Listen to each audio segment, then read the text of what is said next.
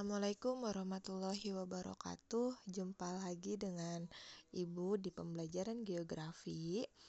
Uh, sebelum kita memulai pembelajaran hari ini, alangkah baiknya kita membaca basmalah terlebih dahulu. Semoga Allah selalu memberikan kita kemudahan dalam mencari ilmunya. Yuk sama-sama membaca basmalah. Bismillahirrahmanirrahim. Nah, uh, materi hari ini kita belajar terkait pembentukan tanah. Masih ada yang ingat nggak materi kemarin kita ngebahas tentang apa? Jika masih ingat, silahkan kalian tulis di uh, Google Classroom uh, untuk lima orang tercepat. Uh, pembahasan materi kita minggu kemarin itu tentang apa? Nah, lanjut lagi, silahkan kalian disiapin dulu nih buku paketnya di halaman 138 dan disiapin juga buku tulis dan buku dan pensil atau pulpen. Nah, hari ini kita belajar terkait pembentukan tanah.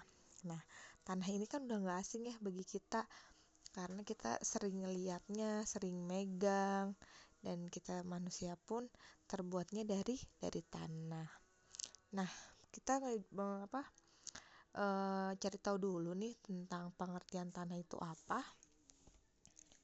Pengertian tanah adalah e, tanah adalah kumpulan dari benda alam di permukaan bumi yang tersusun dalam horizon-horizon, terdiri dari campuran bahan mineral, bahan organik, air, dan udara. Nah, tanah merupakan media tumbuhnya tanaman. Selanjutnya, komponen utama penyusun tanah ada empat. Yang pertama ada bahan mineral, bahan organik, udara, dan air. Nah, bahan mineral ini e, berupa 45, 45% berasal dari pelapukan secara mekanis dan diteruskan oleh proses kimiawi yang pada akhirnya membentuk mineral pembentuk tanah yang terdiri atas mineral primer dan sekunder. Bahan organik 5% yaitu berasal dari sisa-sisa tanaman, hewan, dan mikroorganisme yang mengalami pelapukan. Yang ketiga ada udara 25% yang terdapat dalam tanah tidak sama dengan yang terdapat pada atmosfer. Udara yang berada dalam tanah selalu tetap termaksud kelembapannya. Yang terakhir ada air yaitu e, 25%. terdapat dalam tanah karena ditahan atau diserap oleh massa tanah, tertahan oleh lapisan kedap air, atau karena drainase yang kurang baik. Nah, kalian bisa lihat tuh komposisi tanah di halaman 139 ada bahan mineral, organik, udara, dan air tanah.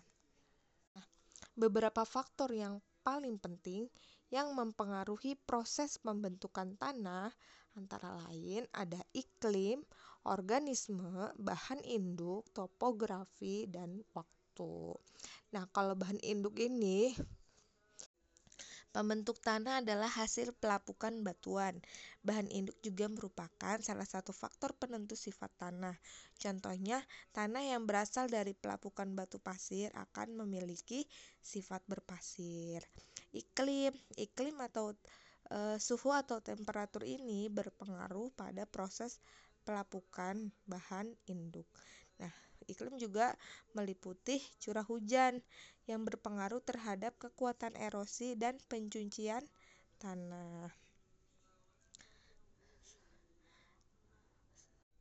Organisme yaitu aktivitas hewan dan tumbuhan serta dekomposisi sisa jasad hewan dan tumbuhan turut mempengaruhi pembentukan tanah yang topografi yaitu suatu daerah yang mempengaruhi jumlah air yang hujan yang dapat diserap oleh tanah, kedalaman air tanah, gerakan air, kondisi drainase dan permukaan air tanah dan erosi tanah. Kalau waktu berperan dengan tingkat perkembangan tanah. Kondisi ideal lapisan tanah umumnya terbentuk sangat lama, yaitu dalam kurun waktu 200 tahun. Nah, yang kedua, Ibu akan ngejelasin tentang profil tanah. Ingat, yang punya profil tanah ini tidak yang punya profil bukan kita doang nih, tapi tanah pun mempunyai profil. Nah, tanah ini memiliki profil uh, sampai 5 ada 5 profil tanah. Yang pertama ada horizon, horizon O, horizon A, B, C dan R. Nah, kalian bisa lihat di buku paket halaman 140 uh, eh, tentang lapisan-lapisan atau horizon-horizon tanah dari O, A, B, C dan dan R. Nah, yang ketiga ini ada jenis tanah.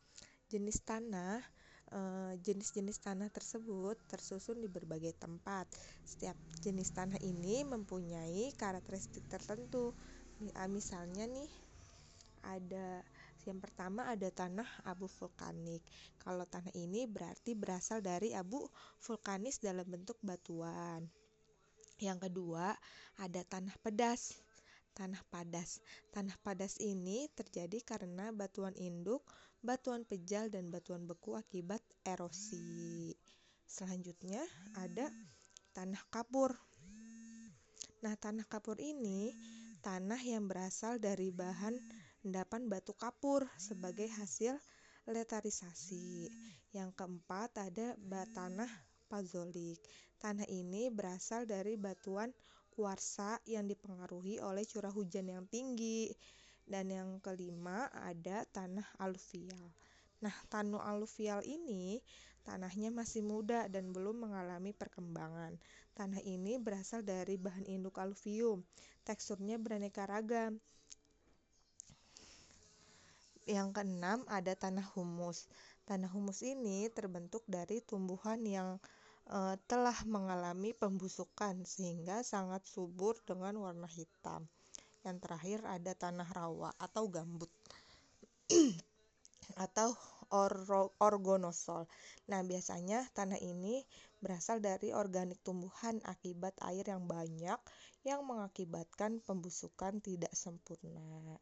Nah, inilah uh, apa jenis-jenis tanah ada tanah abu vulkanik tanah padas tanah kapur tanah pazolik tanah aluvial tanah humus tanah rawa dan yang terakhir adalah tanah tanah regosol nah untuk mempelajari tanah itu sangat-sangat luas sekali. Nah cukup sekian ibu ngejelasin materi hari ini.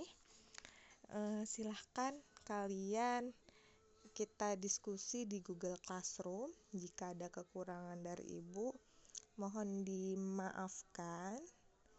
Cukup sekian materi hari ini tentang pengertian tanah, proses pembentukan tanah, jenis-jenis tanah, komponen tanah, profil tanah, dan lain sebagainya. Nah, di sini halaman 141 kalian bisa lebih jelas lagi e, baca terkait klasifikasi tanah berdasarkan kesuburan. Nanti silahkan kalian e, menjawab pertanyaan ibu. Ibu akan kirim gambar di, di grup WhatsApp geografi dan silahkan kalian menjawabnya di Google Classroom.